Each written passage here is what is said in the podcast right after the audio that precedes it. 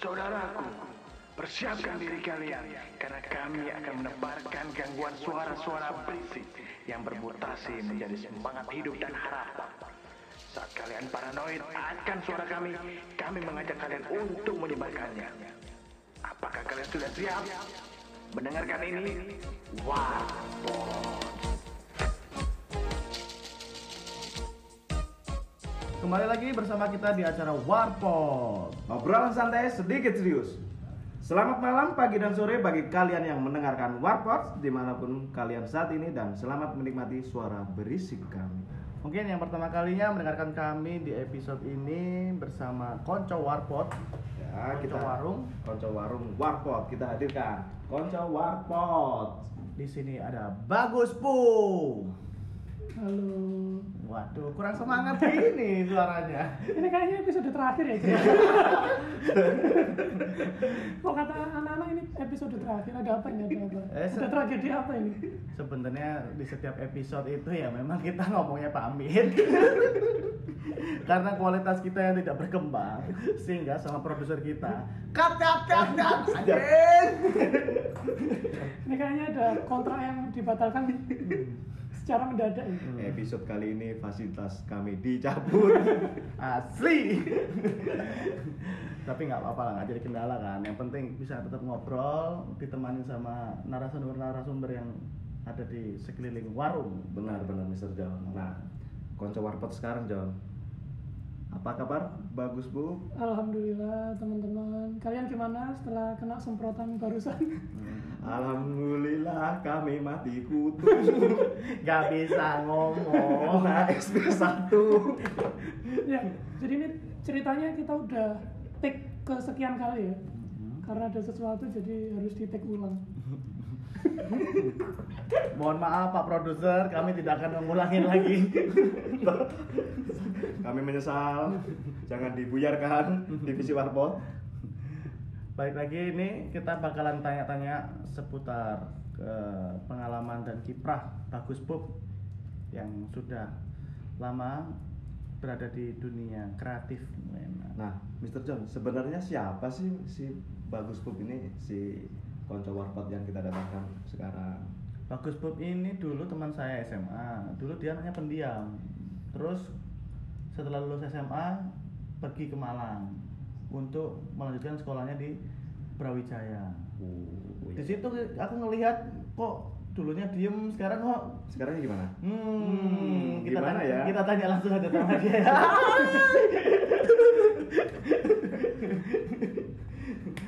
Mas Bagus.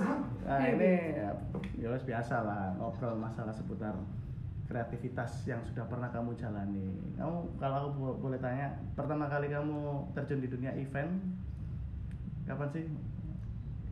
Event, event tuh kalau secara formal itu 2011 pas masuk kuliah Hmm. itu ikut salah satu LSO lembaga semi otonom di Brawijaya itu emang bidangnya event organizer jadi waktu itu ada beberapa ini kan apa namanya pilihan karena kita maba-maba mahasiswa baru Mhm. disuruh milih ikut LSO jadi ada beberapa pilihan. Terus kita lihat eh, LSO yang event ini kok sepi peminat gitu loh. Hmm. sepi peminat terus terkucilkan gitu kan. Wah menarik nih soalnya kan saya orangnya pendiam seperti yang dibilang tadi. Hmm, masa iya sih? makanya saya ikutan itu Di Brawijaya dulu ini ambil jurusan apa? jurusan hubungan internasional Itu, kebetulan in- HI berarti ya? HI HI Untuk lombanya itu apa semua jurusan boleh ikut atau bukan lomba itu apa? semacam apa ya jadi LSO LSO yang ada itu mereka buka but buat narik peminat-peminat maba-maba gitu loh Hmm, benar-benar. Nah, saya waktu itu daftar berapa? Daftar dua, satu yang mengenai event organizer itu, terus satunya lagi eh, tentang sepak bola hobi saya. Jadi saya ikut dua LSO waktu itu. LSO itu semacam kayak ini ya, kayak UKM, UKM, ya. Nah, Oh, kalau iya, di iya, iya. di kampus UKM, tapi kalau Ah. di fakultas namanya LSU. Oke. Sudah jarang juga dengar Tuh. LS Pro ya Mm-mm. Aku tahunya kalau di kampusku UKM sih, Iya. ini kegiatan mahasiswa. Nah, kamu bilang tadi LSU mu sepi. Itu Hmm. sepi itu dalam arti ini tak apa namanya? Eh, penduduknya sedikit atau peminatnya sedikit atau gimana sih? dari sekian banyak LSO yang buka booth itu Mm-mm. LSO itu yang sepi lainnya itu rame kayak peminatnya rame yang daftar gitu nah Hmm. satu LSO uh, event ini peminatnya dikit Dikit. Oh, jadi wah gara-gara sepi ya udah daripada Kamu- ngantri ke yang lain kan masuk itulah daftar itu Berarti sekarang LSU yang kamu ikutin itu rame tuh gara-gara kamu ya? enggak Oh enggak ya? Oh, Oh enggak, soalnya Iya. gini gua, Gimana, kayak gimana? gini Mr. Tam. Aku tuh ya kenal dia, kalau dia tuh ikut event di UB, Hmm. itu wes waduh ayo ayo pak, lanangnya yo gaul-gaul ngono iku. Aku kan beropini seperti itu kan nggak salah gitu loh. itu mereka mulai rame apa ya? setelah ya karena sering tiap tahun ngundang Hmm. acara-acara yang cukup lumayan nekat lah bukan besar ya tapi nekat, Nekat ya. Nah, jadi akhirnya setiap tahun juga ngundang minat-minat Hmm. mahasiswa-mahasiswa baru lagi buat gabung yang dimaksudkan nekat itu gimana untuk event-event nekat itu is nggak duitnya tapi gaya acara kan loh Oh, Oh, iya, iya. iya. tata tata Jadi tata. atas. masalah Konsep. untung untung rugi nanti yang penting acaranya jalan, Jalan. sesuai dengan yang dipengen Acara apa itu kalau boleh tahu? Pertama kali yang mau anggap, wah aku ini nekat nih pak sampai kau ini dan sebagainya. Acara apa itu? pertama kali itu acara namanya tuh Helmix Helmix kepirong mbak aku lali Helmix. oh Mm-mm. itu sing menurutku cukup nekat di waktu masih Waktu- mahasiswa oh, Itu semester berapa itu? Mister Piro ya Awal nggak sih? Nggak ya? Tengah-tengah lah. Tengah-tengah. empat lah semester empat Semester empat ya? empat lima. Berarti sampai sekarang itu apa masih berkecimpung di dunia kreatif atau event-event organizer? Enggak. Jadi saya sejak 2017 itu udah enggak enggak event-eventan lagi.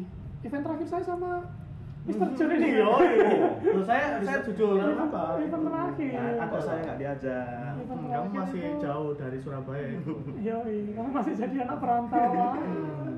Aku tuh yang ngajarin eventan itu ya bagus. Kalau nggak ada bagus mungkin nggak tahu. Soalnya aku masih ingat ya. Terakhir itu aku waktu kuliah, aku punya acara pameran om. Mhm. Acara pameran di kampusku. Nah itu ada di gedung Geraha Cakrawala atau. Lah kebetulan waktu itu bagus ini sebagai ketua panitia LSU-nya itu apa sih namanya? Boleh disebutin nggak sih LSU-nya? LSO-nya mix Oh mix ya. Nah, Mix. Oh. mix itu anak mix dan ketuanya waktu itu bagus mau Ket- bikin bukan ketua mix tapi Eh, bukan ketua ya? acara waktu itu Ya ketua acara ya, Ketua juga. bukan ketua organisasinya ya. Bukan. Nah, ketua acara apa namanya acaranya itu bagus sehingga dia sempat ada obrolan mau ngabungin kampusku dan kampusnya uh, kampusnya dia. Oh, berarti kalian ini, kalian kalau. John dari mana? Apa Aku- satu kampus atau? Beda, aku tetangganya UB, UM. Oh, UN. Depannya Matos itu loh. Visip juga atau Enggak, aku di DKV, di DKV. DKV UM ya? DKV Oh iya, UM. deketan sih ya kayaknya. itu kan, mau digabungin apa namanya eventnya ternyata nggak jadi karena temanku ada kendala untuk masalah perizinan sama dosen dan sebagainya akhirnya ya udah akhirnya bagus itu bikin acara rame pak deh pak dan wis rame mari ngono after eventnya aku dipamerin pak satu tim dibawa ke Bali bener gak Gus Yo Wow. sangar iki Amazing. iya musuh nih Bali nggak tahu pokoknya kamu aku mau kirimin foto kamu renang di saat di oh iya di iya iya atas iya, iya. Iya. Ah. Nah, Mari, itu akhir tahun ya penutupan Akhir naik tahun, acara sih itu sih kalau jalan-jalan Biasanya itu pembayar apa pembubaran panitia ya? Pem, atau Oh ya waktu itu istilahnya apa? Pokoknya sempat lah jalan-jalan satu satu tim itu ke Bali. hmm. Asik juga. Iya. Itu cuan gue ya berarti. Berarti pertama kali dari ketua langsung cuan. Berhasil lah katakan untuk event Atau gimana? katakan berhasil. Sudah aku pertama kali event kapan ya? Iya deh, kayak itu. Sing Iya, event-event serius loh ya. Serius kan? Sing event-event serius kayak Itu ngundang ini kan, ngundang bintang tamu kan, nasional kan? Iya waktu itu. Oh, Apa white shoes ya? Red shoes. Hmm. Ya bagus. Pertama kali kamu handle band nasional, terus eh, kamu dapat eh, insight dari mana buat dapat link nomornya, terus Mariono. Jadi itu Info-info yang lain tuh. oh enggak John. Event serius gue itu pertama bukan itu. itu event serius sing aku handle. Oh yang kamu handle ya? Oh, Sebenarnya sebelum sebelum itu ono event sing eh wis tak lakuin tapi aku sebagai istilahnya pembantu nih lah volunteer volunteer Volunteer, oh volunteer Oh, bagian dari event itu. Oh. Hmm. apa event apa itu pokoknya dari awalnya itu dari mix itu terus akhirnya aku daftar-daftar bukan daftar sih ngirim-ngirim CV buat daftar jadi FOB di di Andra terus di eh, diajak juga buat jadi FOB-nya di apa namanya event Jatim Fair Hmm. dua atau tiga kali gitu aku event Jatim Fair Hmm. terus yang paling berpengaruh itu ya pas jadi volunteer di acara Sunday Market. Waktu itu Hmm. lihat acara Sunday Market terus buka volunteer kan ya usah Hmm. daftar ngirim CV ternyata diterima buat jadi timnya yang bantu-bantu produksi sih waktu itu. Tapi itu masih kuliah kan? Kuliah. Aku Hmm. kuliah kan PP oh iya Surabaya Senin sampai ya Jumat kuliah Sabtu Minggu balik Surabaya buat ya itu kerja Ngerjain kerja. itu. buat kerja cari duit. Nah, kalau kalau gitu sih apa nggak ini ya untuk mungkin dan apa pendengar kita juga ada yang ngelakuin kayak Mas Bagus yang kuliah sambil kerja. Mm. Apalagi eventan kan kayaknya kelihatan berat banget ya, butuh banyak waktu. Nah, itu keganggu nggak kuliahnya? keganggu Banget. lumayan Tuh. molor nggak molor nggak molor aku lima tahun ya nggak salah Hmm. molor setahun lah cuman dari itu tapi kalau teman-temanku HI rata-rata juga Molor. nggak ono yang tepat waktu deh Emang setelannya sih gitu, setelannya lima tahun. Telat kabeh cuman karena waktu itu eh, ikut volunteer terus dapat duit kan wah Hmm. kayaknya lebih enak nyari duit daripada kuliah.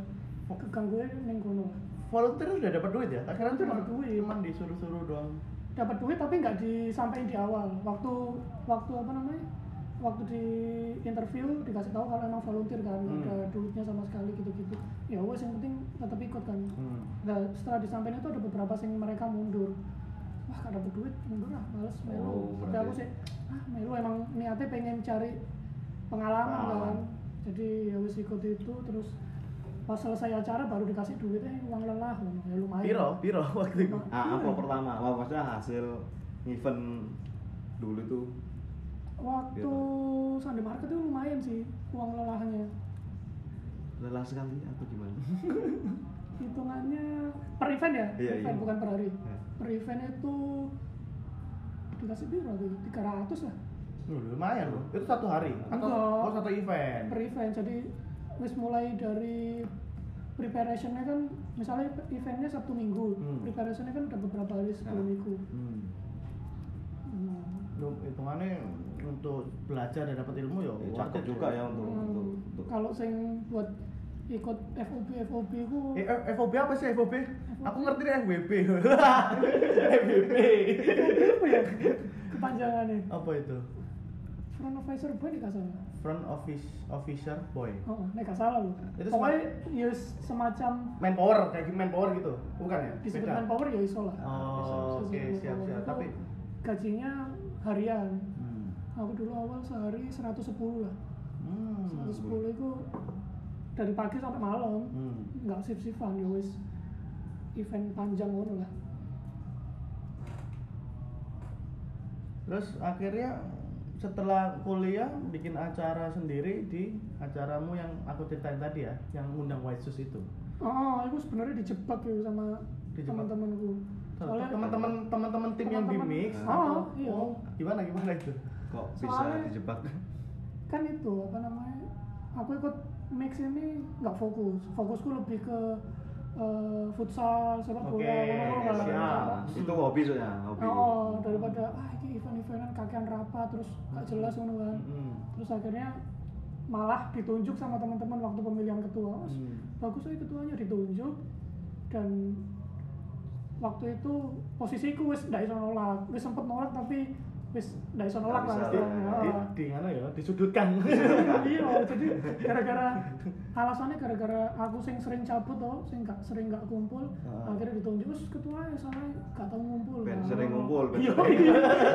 Akhirnya sering sebenarnya ngumpul sebenarnya kan kasus itu riskan juga ya kadang malah acara itu bisa sukses malah Hmm. tambah gak teko arek. Iya, tambah cabut. Itulah. nah berarti eh, mas mas bagus ini keren juga ya dari kuliah sambil eventan Hmm. sampai sekarang sampai sekarang juga sibuknya Mas Bagus sekarang jadi abdi negara Wah, ngeri. Tekan eventan sing dhisik sering izin-izin saiki dadi abdi negara lho. Ya apa kok? Iya, Pak. ngeri ya Ngeri, Pak. mengabdi aku mengabdi aku gitu. kalau abdi negaranya itu di instansi apa di ada salah satu instansi pemerintahan keren juga ya Hmm, biasa aja lu. biasa aja. biasa saya sopo sing gelem dari PNS gak ono sing gelem Tapi pinginnya kan dari pengusaha kabeh tuh ya pengusaha. Tapi dari pengusaha dari PNS ya pergi juga ya, Bu ya. nah kayaknya ini nah kita ulik lagi kayaknya si Mas Bagus ini kan Hmm. juga sekarang kerja di salah satu instansi pemerintahan Hmm. Nah kita ulik bisnis bisnisnya nih Oh, iya. ada beberapa yang usaha yang saya mau tanyakan nih itu Mr. John apa apa salah satunya salah satunya dia punya warung kopi Hmm. kan orang kopi nih ambek John juga Tapi kayaknya enggak deh, Mas. Kayak- Kayaknya dia Oh, berarti yang kalian- kiprahnya enggak bukan. Itu sekarang iya, Oh. tapi ngomongin kiprah kayaknya dia ini lama usaha sebelum sama aku gitu loh. Usaha pertama nih. ah iya Apa tuh usaha pertama? usaha pertama aku iki apa namanya jualan burger Gue tahu ya. tahu Di Malang apa ning Surabaya? Ning Surabaya pas Uh.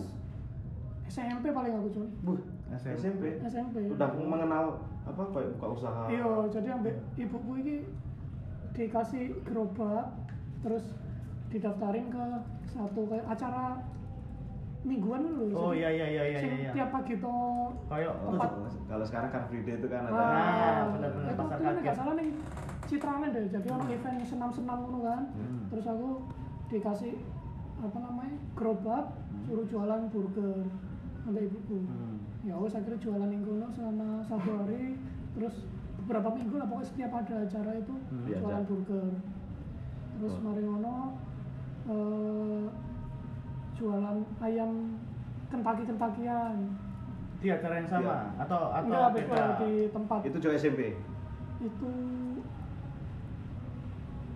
SMP SMA lah SMP SMA. Hmm, lumayan panjang lah Hmm. lumayan berjalan panjang terus akhirnya tutup gara-gara yus gak jalan bangkrut Sebenarnya nggak bangkrut sih kayaknya. Ya memang Bangkrut. dianya belum belum concern aja. nah kan terus ini Apa iki? apa sampai awakmu kan gawe usaha Apa? konveksian konveksian Yo, iya. Apa tuh? Saya mau denger dong. itu konveksinya juga ya. Eh. Berarti habis eh, burger ayam Ayam, oh. ayam Oh. sekarang itu SMA. SMA SMA. SMA sama John kan juga Oh, SMA. konveksi jadi kita waktu itu nerima ada anak cheerleaders kan di sini Hmm. bikin bajunya cheerleaders terus bikin jaket kelas gitu gitulah Hmm, hmm. jadi kita yang handle bikinin gambarnya terus kita cari tukang jahitnya sendiri kan Hmm. cari konveksinya. Sampai neng anu sampai neng gone Tambak Sari, Bu. tambah sari ono penjahit penjahit itu Oh. pak di sana kau ngene oh, di sana aku nggak pengalaman lawas. Yes, naik motor set. Tapi untung kan lumayan ya. Hmm, hasilnya Lumayan. lumayan. Dapat cuan dari situ. Tapi berarti ini ya yang bikin kamu akhirnya tertarik usaha bisa tak simpulkan gara-gara ibumu ya kayaknya kamu Ah. tadi cerita yang di awal kayak burger ibumu yang iya pokoknya oh. jadi Oh. karena dikenalkan sejak SMP lah Hmm. awalnya isin dulu pak dodol burger kan Pak. Iya sih itu burger. kayaknya sih butuh Mental. mental mental oh, jadi aku ambil mbakku sing saya ingatku sih ya aku ambil mbakku dodolan burger itu tapi Oh, bahan gitu. di prepare ibu bahan yo nek Hmm. dikongkon jualan tok ngono Hmm. wis burger hotdog sing dibakar itu iya iya kan? iya iya itu Ya, pengalaman ini memang panjang kalau ngomongin usaha gitu loh. Tapi yang bikin jadi menarik adalah kalau mungkin banyak orang yang nggak tahu juga loh.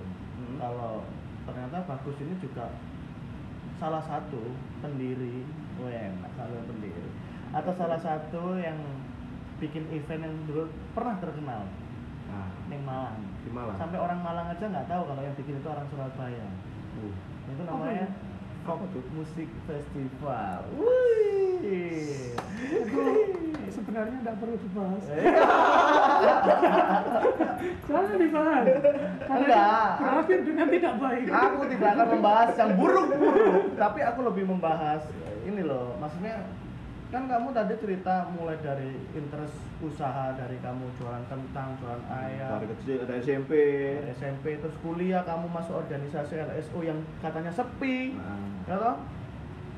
Sampai pada akhirnya kamu juga pernah bikin sebuah acara yang menurutku berhasil sih untuk uh, ngedistract orang Surabaya sama orang Malang itu bahwa mengalihkan perhatian pada waktu itu musik-musik mungkin folk musik itu mungkin belum terlalu booming ya dan tapi banyak di luar kota kayak di Bandung ada acara lala-lala terus ada lagi di mana nah tapi yang mewakili Jawa Timur itu nggak ada nah, tiba-tiba dia bikin Si- acara si konsep ini itu. bagus bub ini Mm-mm, bagus banget dan teman-temannya itu. Itu ya apa ceritanya? Ceritanya. Kamu bikin event dari kuliah itu apa ya apa kamu bikin kumpulan sendiri? itu ceritanya karena ini berawal dari jadi volunteer Sunday Market Oh, volunteer Sunday Market Volu- itu ada volunteer. Market, oh. Hmm. jadi eh, pengalaman apinya gitu Hmm. pengalaman apinya tuh jadi wis kalian kerjain apa pun yang penting dapat kenalan-kenalan baru lah Hmm. soalnya kan di ke depannya kita nggak ngerti bakal itu kali ya bakal diajak di ya dari volunteer itu akhirnya terus diajak sama salah satu founder adalah salah satu eh, kreatif agensi di Surabaya Hmm. lumayan ma- namanya cukup lumayan besar Kamu diajakin masuk ke dalamnya. diajak diajak masuk padahal Hmm. waktu itu sih belum lulus kuliah belum Hmm. lulus kuliah tapi eh, setelah lulus kuliah itu diajak lebih serius Oke. di digabungin jadi ada berapa lima orang lah Lima orang di lima orang yang gabung di situ eh, gabung di situ buat bikin event-event Hmm. Awalnya dari volunteer itu terus diajak gabung sama teman-teman meskipun sekarang berlimanya udah berpencar Hmm. di jalannya masing-masing jalan ninjanya Nah, kalau masing-masing kalau kalau yang masalah itu nggak mau tanya. tapi tapi aku lebih kurius di ini sih. Jadi kayak kamu diajakin sama salah satu creative agency, terus kamu bikin acara FM Hmm, sampai pada akhirnya itu mungkin eh, acara yang paling besar ya FMF ya. Nah, setelah kamu join, yang aku malah ingin tahu itu eh, kamu langsung bikin acara yang kayak FMF itu, yang konsep sendiri, yang handle sendiri, atau kamu gimana? Kamu kalau waktu itu karena hitungannya kan aku pendatang baru tuh Mm-mm. pendatang baru dan yang paling muda jadi nggak terlalu nggak terlalu ikut campur masalah konsep Hmm. soalnya bagianku cuma di produksi Hmm. di, di pasrahin di bagian produksi jadi masalah konsep itu ada ada orang sendiri yang mikir lah yang emang menurutku emang dia eh, sangat-sangat berkompeten buat bikin konsep oh. Hmm. jadi banyak sih event-eventnya lumayan gede-gede juga semua dan lumayan punya nama lah harusnya Pada waktu itu kreatif agensimu ada komparatornya nggak? Ada ada kompetitornya di Surabaya? banyak tuh Oke ya. oh, kreatif agency banyak cuman eh, menangnya kan waktu itu menurutku ya menurutku itu eh, timku ini lebih lebih mempercayai idenya sendiri jadi meskipun Nah, meskipun eh, nyari sponsornya sponsornya pengennya ABC tapi timku ini pengennya D ya wis D itu yang harus dijalani Hmm. lebih apa ya istilahnya lebih Punya jalan pikiran sendiri gitu. lebih apa istilahnya idealis idealis lah Idealis, idealis. idealis. meskipun kadang idealisnya itu akhirnya berujung Swan Apa? Bubar bubar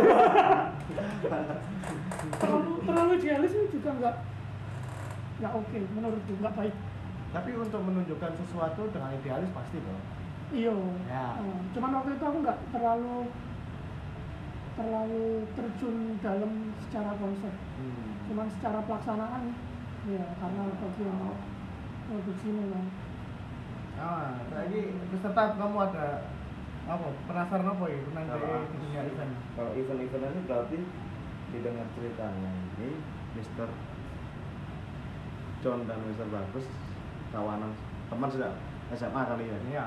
nah berarti si Mister ba eh, si Bagus Pup ini suka berorganisasi atau dia si Bagus ini suka dari SMA apa sudah mulai berorganisasi organisasi sih itu kan pasti ke efeknya kalau event kan berhubungan dengan orang banyak itu kan kadang Oh. banyak orang apa ada yang orang nggak nggak bisa Hmm. sama orang-orang banyak Nah, awalnya karena aku kan mulai pendiam tuh dan susah Hmm. Kenapa Anda selalu menekankan kalau Anda adalah seorang yang pendiam?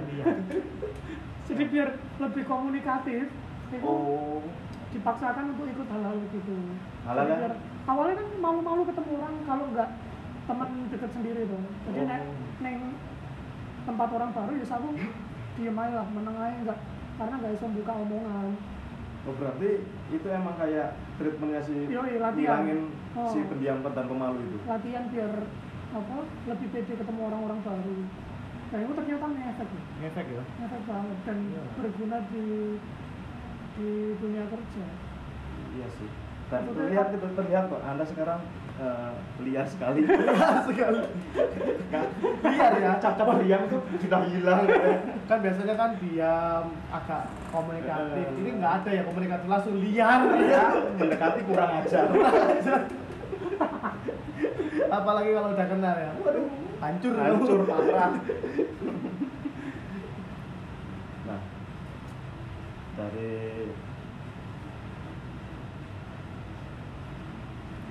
meneng-menengan ini jadi kalau rekamannya noise ini kondisinya hujan ya karena ya Iya. gerimis ya memang hujan ya dan memang alatnya dalam. agak kurang proper jadi ya Nah, ini tunggu-tunggu. Hmm. Nah, lihat di Bagus Book ini di bio IG-nya.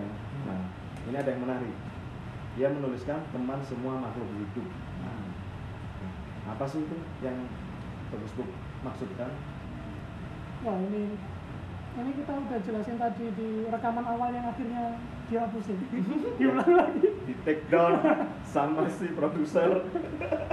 akhirnya harus diulang lagi itu bionya itu awalnya bukan bio Instagram tapi bio Twitter kan dulu ramean Twitter dulu dong sebelum Instagram masang bio itu karena aku pernah ikut seminar namanya Spiritual Emosio- Emotional Freedom Technique Coba ulangi Mr. John. Spiritual emotional freedom technique Nah. Nah.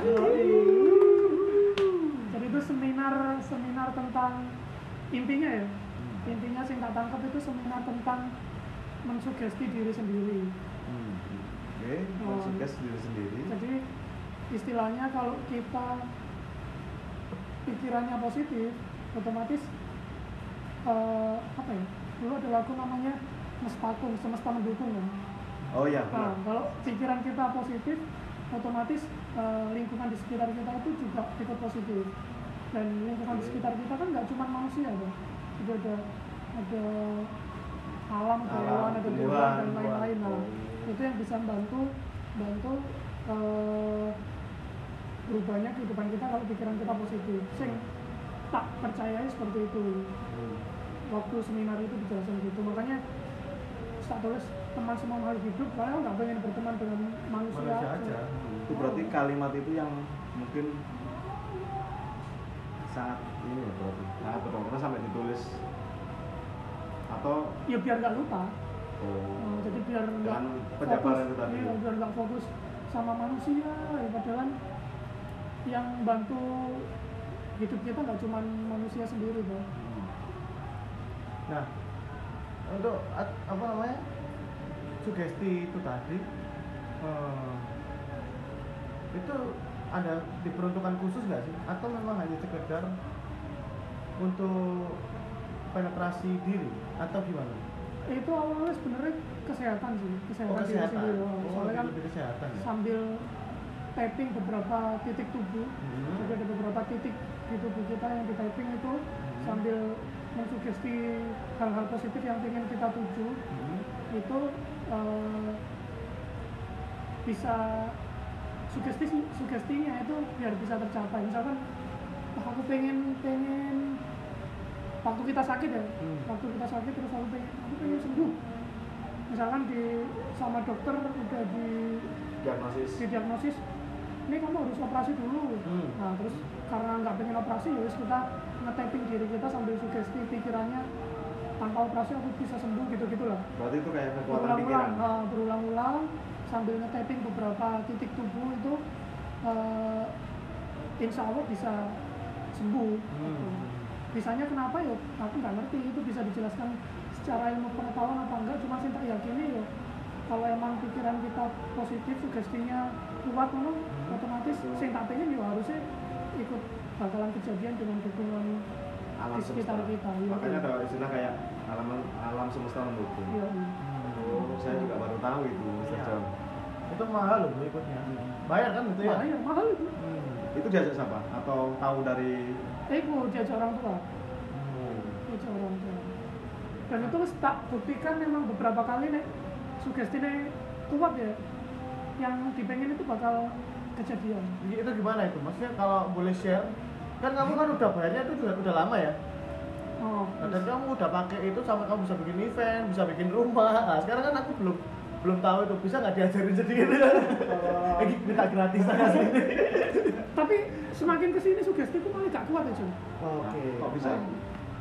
Tercampur dengan iya. aura-aura apa ya? soalnya dulu apa namanya waktu kuliah ini kan Hmm. itu ikut seminar waktu kuliah. Hmm. Emang sugesti bagusnya itu jam-jam subuh kan oke jadi subuh itu habis sholat subuh terus Hmm.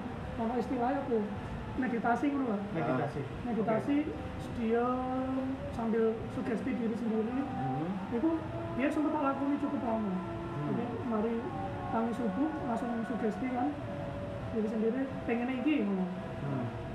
dia sampai ngantuk pak sampai keturun temenan oke siap. Sampai keturun tiba-tiba loh jam 6 ini Hmm.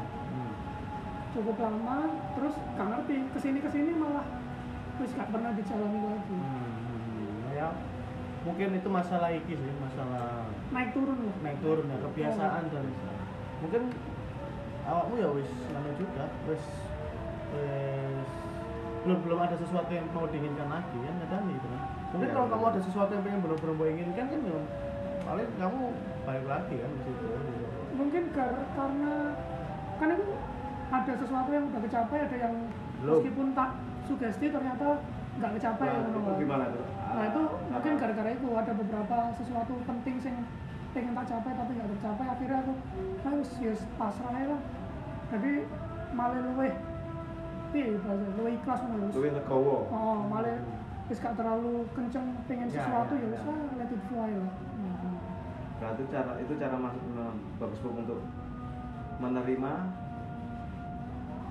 keinginan yang tidak tercapai itu. Oh, dan dan apa namanya eh, keinginannya juga saya kira nggak terlalu gede ya wis. pengen pengen sesuatu angon misalkan kan kecapai ya wis nggak kecapai ya wis nggak terlalu ngejar-ngejar Nah, banget iya. ini Itu mungkin di fase yang asik ya menurutku. Seperti itu. siap siap siap siap nah kayaknya kita break dulu Azan, azan. azan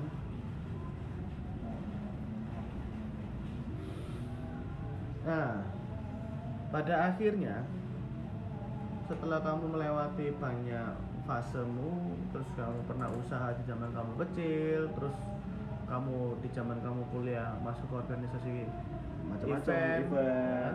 sambil kerja. Heeh, sampai akhirnya pernah bikin acara FMF. Kenapa awakmu saiki mengambil jalan ninja? Wes, jalan ninja. Inilah jalan ninja. jalan ninja untuk memilih ke ke pemerintahan. Apa? Kamu pengen mengabdi negara? Wah, Wes. sih. Adakah cerita di baliknya? Itu terjadi secara tidak disengaja Hmm. 2000 2000 2017 Oke. 2017 itu juga yang memulai eh, akhirnya aku niat tiap tahun harus punya usaha baru Hmm. Oke. jadi 2017 itu sebelum acara itu acara musik yang di Malang itu Hmm. itu dulu timnya kan kekurangan bukan kekurangan sih apa nyari duit tambahan buat modal Hmm. nah terus akhirnya aku ngambil hutang bank ini Hmm. ngambil hutang bank sih nilainya cukup besar kayak seumuranku waktu itu kan Oke. aku ngambil oh, 300 eh 400 400 ya 400 juta ngambil 400 juta yang niatnya buat usaha enggak buat acara ini acara musik itu acara musik Acara itu musik. kamu siapin utang bank ah soalnya waktu itu eh, lagi nyari dana-dana tambahan tuh buat Oke. Oke, oke. buat apa namanya biar acaranya jalan hmm. terus kalau nggak salah waktu itu terus akhirnya eh, acaranya nggak jadi Mhm. terus sampai akhirnya timnya juga bubar Mhm. nah duitnya kan aku wis megang ini duit 400 Udah cair. Cair. cair pak Oh, cair terus ngeluh kan wah ini bulan depan udah mulai nyicil Hmm. Oke. terus muternya piye ini selama aku utangnya tiga tahun Hmm. jadi per tahun itu 10 juta lebih lah aku nyic- nyicil tiap bulan Oke, siap. utangnya tiga tahun terus ya wes akhirnya nyari-nyari jenis-jenis usaha kan set, nyari terus akhirnya nemu satu ini eh, penggemukan sapi. Penggemukan sapi set, dijalanin. Waktu awal tahun awal untungnya lumayan. Hmm. tahun kedua tahun ketiga untung tapi nggak gede-gede banget. Tapi yang penting bisa buat bayar cicilan utang tuh. Hmm. terus akhirnya tahun berikutnya 2018 eh 2017 itu aku juga setelah timku bubar karena aku gak ngerti ya, harus harus istilahnya ada di momen eh, quarter life of crisis lah Hmm. sebutannya Nah, orang-orang ya. Oke. usia 25 Ya, ya, ya. 25 iki Bener-bener. iki tujuanku urip iki nyapu iki kan Hmm, oke. cicilan wis sakmene per bulan 10 juta sekian Gendeng. kerjaan. Gendeng sih. Nah, kerjaan apa eventanku timku wis bubar aku Hmm. kurang duwe kerjaan apa-apa kan Oke, siap. Terus akhirnya ya wis lah ono pendaftaran iki pendaftaran eh, PNS PNS. pendaftaran PNS daftar aku set, Hmm. daftar untungnya keterima Hmm. untungnya Untung, keterima. untungnya, ono untungnya. akhir akhir tahun kan keterima Hmm. baru masuk kerjanya itu 2018 Januari lah Hmm. keterima lah itu lumayan set gajinya kan iso kayak bantu cicilan Hmm. tiap bulan gitu Oh, Berarti ah. dia, dia sebenarnya terjebak sih itu. bantu cicilan terus akhirnya eh gajiku sih nggak nutut buat bayar cicilan kalau tak hitung untuk tiga tahun ke depan Oke. utangku baru lunas tahun kemarin 2020 bulan Juli Hmm, gila, gila itu Baru- melewatinya baru lunas. ekstrim juga. terus apa namanya akhirnya tiap tahun aku komitmen kudu buka usaha baru gitu maksudnya buat tambahan tambahan pendapatan baru kan Oke. usahanya gede cilik urusan engko lah yang penting ono pendapatan baik ku sejuta dua juta yang penting ono eh, tambahan kayak bayar utang iki Oke. Terus akhirnya ya wes lah 2018 join sama John kan sama Gondrong juga bikin Hmm. eh, warung kopi itu Mbak Gondrong Hmm. bikin baru warung kopi Mbak Gondrong yang sekarang udah jalan Tiga tahun. tiga tahun lebih tiga tahun lebih alhamdulillah masih jalan 2018 itu 2019 eh 2018 saya eh, dengan dua usaha aku ini dengan ketambahan gaji sebagai PNS ini Hmm. cicilanku cukup tapi nggak bisa sampai tiga tahun itu sampai tiga tahun, oke. sampai dua tahunan lah jadi tahun ketiga ini mbo ini piye piye? Oh. Nyoba lagi, golek mana lagi? terus akhirnya 2019 golek mana eh, buka warkop lagi Mbak Putri kan. Buka warkop Mbak Putri. Bar, bar- kalau itu di mana tuh, Bar? Bar kop Mbak Gondrong Sama sama Putri. Mbak Putri. Mbak Gondrong ini di Wiyung di Wiyung kalau Mbak Putri di Lida di dekat Citraland itu kan. Bikin dua kecil-kecilan lah tapi hasilnya lumayan lah. Hasilnya lumayan buat nyicil. Jadi ada nafas tambahan buat nyicil sampai hampir selesai. Sampai hampir selesai terus cicilan selesai itu 2000 berapa? 2019 ya? 2019. 2019 cicilan selesai 2020 Iku s- hitunganku itu gajiku semua PNS selama PNS ini tiap bulan tak Masuk buat full bayar utang. Gila. Gila, ketambahan gila. sama keuntungan usaha-usaha ini kan buat bayar utang sisanya baru buat hidup oh, baru is- sisa sejuta dua juta lah kayak hidup Tapi kan Makan, tapi kan termasuk menggamblingmu juga. Iya, Pak, ya. gambling, Pak. dengan mental-mental sudah Hmm. pengusaha masa dan nggak pengen tak ulangi banget ya pak Ah, Hmm. sebulan 10 juta lebih atau 11 juta. semakin mencari adrenalin itu enggak adrenalin enggak wis ojo mana Coba di sana ya. Iya. Tapi nggak ini kan, nggak melunturkan eh, seneng ning dunia usaha. kan? nah, Enggak lah, justru semangat itu- untuk usaha Iya, baru kan? justru itu karena dari 2017 aku wis setelah timku bubar kan Hmm. aku wis komit si opo carae nek neng Islam kan ono tuh Hmm. eh ada sembilan sembilan pintu ya? 99 pintu rezeki Sembilan dan pintu rezeki. satu eh, satu pemimpin. Bun Eh, aku. iya, Pokoknya ono sembilan pintu sembilan pintu rezeki lah. rezeki Lah. salah satunya Apa? Enggak, 99 99 pintu rezeki Kak, buka 99. dan cuman satu yaitu sebagai pemimpin. Pokoknya sing tak pahami eh, neng agamaku ini ono banyak pintu rezeki lah Mm. yang harus dikejar. Oke. Gak iso mbok enteni. Hmm, Yo emang rezeki wis ono sing ngatur, tapi nek mbok enteni kan yo sapa sing iki. Mm. Nah misalkan aku gak utang ngono kan, aku juga nggak oleh tekanan buat bayar utang akhirnya aku gak mikir bakal usaha iki kan, Oh, usaha lain-lain. Benar. Jadi istilahnya kan yus pintu rezeki ya kudu kejar lah. Terus Siap. disediakno banyak, karek awakmu gelem buka apa enggak. Mm-mm, benar.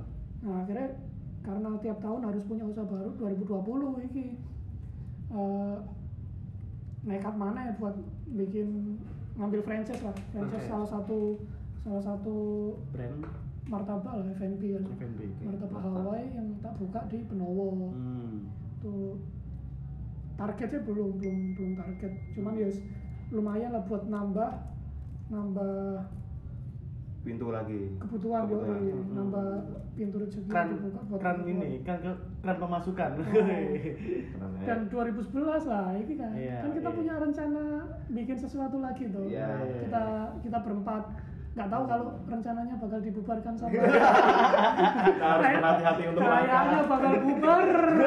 Rencananya nggak jadi. Per hari ini. Per hari ini rencana yang sudah jadi marketnya bakal Bakal nggak ngerti masa depannya jadi apa enggak. Ini Gara-gara kesalahan bodoh. ya nggak apa-apa lah. Namanya masalah belajar, Iya. ya kan? jadi Oh. jadi apa enggak itu nanti ada pintu rezeki lain yang harus dikejar. Nah itu realita punya logikanya sendiri Iya. Oh, dalam ternyata om. Iya. oh gara-gara masalah ini kena SP1 Apa itu? Maksudnya apa itu? nah HP kosong hijau itu pokoknya dari usaha itu terus kenapa Hmm. milih jadi abdi negara apa PNS ya itu tadi karena kecemplung lah daftar asal-asalan karena wis ono tuntutan bayar cicilan kan Hmm. ah daftar iki lah ternyata keterima berarti kan jalanku ning kono Hmm. terjebaknya bagus juga ya Terus se- se- selama perjalananmu yang panjang dari kamu eh, SMA kuliah berusaha berwirausaha dan eh, banyak dilematis dalam sebuah perjalanan itu hmm. apa yang bisa kamu sampaikan dalam dirimu sendiri? ono Oh, ade. ya dari dari bagus gua banyak sekali lika-liku yang ya menurut Mr. Ted meng- apa berbahaya ya maksudnya dalam arti cara untuk melangkah mengambil keputusan nah, tadi di sana kita ingin tahu seberapa dekat kamu dengan dirimu sendiri aku iki sopo Yoi. Kon iku sapa? Lah iya. apa iki jawabannya aku gak ngerti itu itu mungkin ini ya kayak eh, se- se- sak piro cedek kon nambah awakmu dhewe iku padha koyo kon mengenali nggak sih dirimu itu maunya apa dan kenapa kamu melakukan itu dan kenapa harus melakukan itu jadi Nah, kalau- lebih lebih merefleks dirimu kan kayak itu sih apa iya Eh, oh iki sing tak tangkep ya Hmm. selama selama sampai saat ini? sampai saat ini. Hmm. sing tak pengen itu sebenarnya gak kejadian. Oh, misalkan eh, lulus SD aku pengen yang SMP favorit. Oke ternyata gak melbu melbunin yang SMP pinggiran. Oke terus oke. mari tekan lulus SMP aku pengen ning SMA sing favorit Hmm. ternyata gak mlebu mlebune ning sing gak favorit ya pinggiran Iya, sisa iya. gitu Ya, Iya kan? Yang pinggiran pinggir sekali sampai tidak pinggir. terlihat pinggir kan Makin pinggir, pinggir, pinggir, pinggir menepi. terus SMP waktu kelas 2 aku pengen mlebu IPA hmm. gak kesampaian mlebune IPS ngono kan oke mari ngono lulus SMP eh SMA aku pengen eh jadi koyo bapakku jadi aparat ngono kan. Oke. Ternyata gak kejadian bisa. Hmm. terus sing tak tangkep pokoknya berarti ya wis sing mbok pengen itu sebenarnya belum tentu yang terbaik. Terbaik iya. oh, nggak bahasanya mana bener. Iya. jadi ya wis sing eh, sing udah kejadian ya wis iki jalan ono yang terbaik. Hmm. yang gue pengen bukan sesuatu yang terbaik tapi yang sudah terjadi ini pasti yang terbaik yang terbaik. Iya. Atau mungkin saya bisa nambahin yang kamu inginkan itu bukan yang kamu butuhkan. tapi masalahnya kalau yang kamu butuhkan itu yang kami inginkan.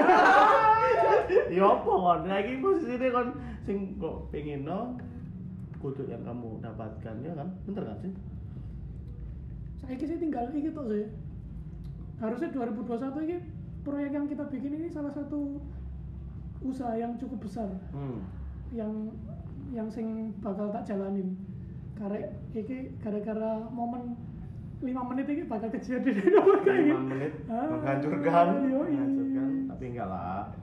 Masih panjang. Ya namanya juga. Cuman yang penting iki sih. Gawe apa jenenge? Eh maksudnya sing pengen pengen saya kira pemain kondisinya covid toh. Iya, susah pandemi. arep sing kerja kantoran akeh sing dipecat terus sing usaha akeh sing sing Si bernapas iya Tipis. nafasnya wangel. Sing penting iki kudu kuat-kuatan lah. Masih yo masih yo eh, ngap-ngapan wis pokoknya kudu dijalani sih iyalah. Aku wis ketipu ping piro pak usaha. Mm-mm. bolak balik John wis ngerti kan ceritanya Mm-mm. ketipu wis Untuk- bolak balik tapi memang tapi nek biasa, tapi kan? nek malah aku malah has ya wis aku aku ning fokus ning PNS aja hmm.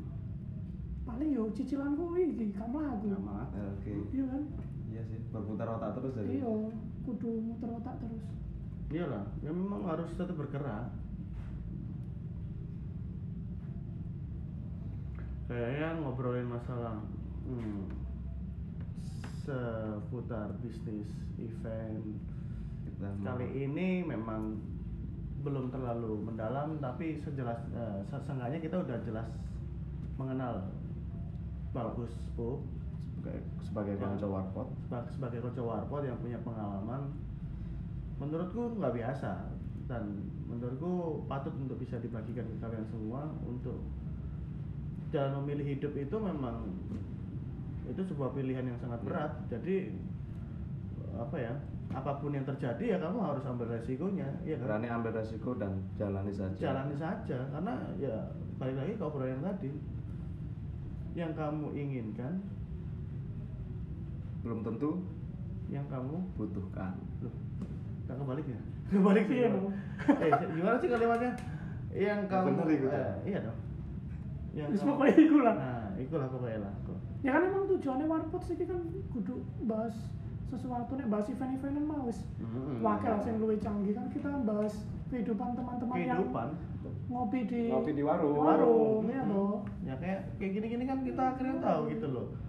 Bukan berarti orang yang mengambil keputusannya sekarang itu juga bukan pilihannya, tapi bukan berarti dia menyesalinya gitu loh. Itu mungkin uh, milestone-nya dia.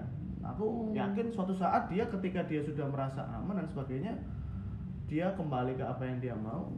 Ya itu cuman kayak sing perlu digarisbawahi ku mau Jon mm, warpot sih bukan membahas sesuatu yang serius-serius tapi membahas teman-teman kita yang satu satu tempat ngopi Yo, gitu. iya. Misalkan bahas eventnya nih, wah wakil pak sing luwe. iyo Iya, iya. bisa aku banyak. Nah, jadi kalau misalkan next kan habis ini volume kalau warpotnya lanjut kan kita ngundang teman kita yang ngehamilin perempuan gimana hidupnya. Ah, benar Itu kan. Itu obrolannya kamu temukan di warung. Bukan masalah cerita-cerita yang menegangkan. Hmm. gimana teman kita menghamili perempuan dan ya begitulah Ya, menghadapi mertua. Hmm. Sekian obrolan ini kami tutup dan jangan lupa diseruput kopi hitam dan kopi susunya. Kembali lagi di next next episode bersama kita. Saya Mr. John. Dan Mr. Ted. Wassalamualaikum warahmatullahi wabarakatuh. Woo.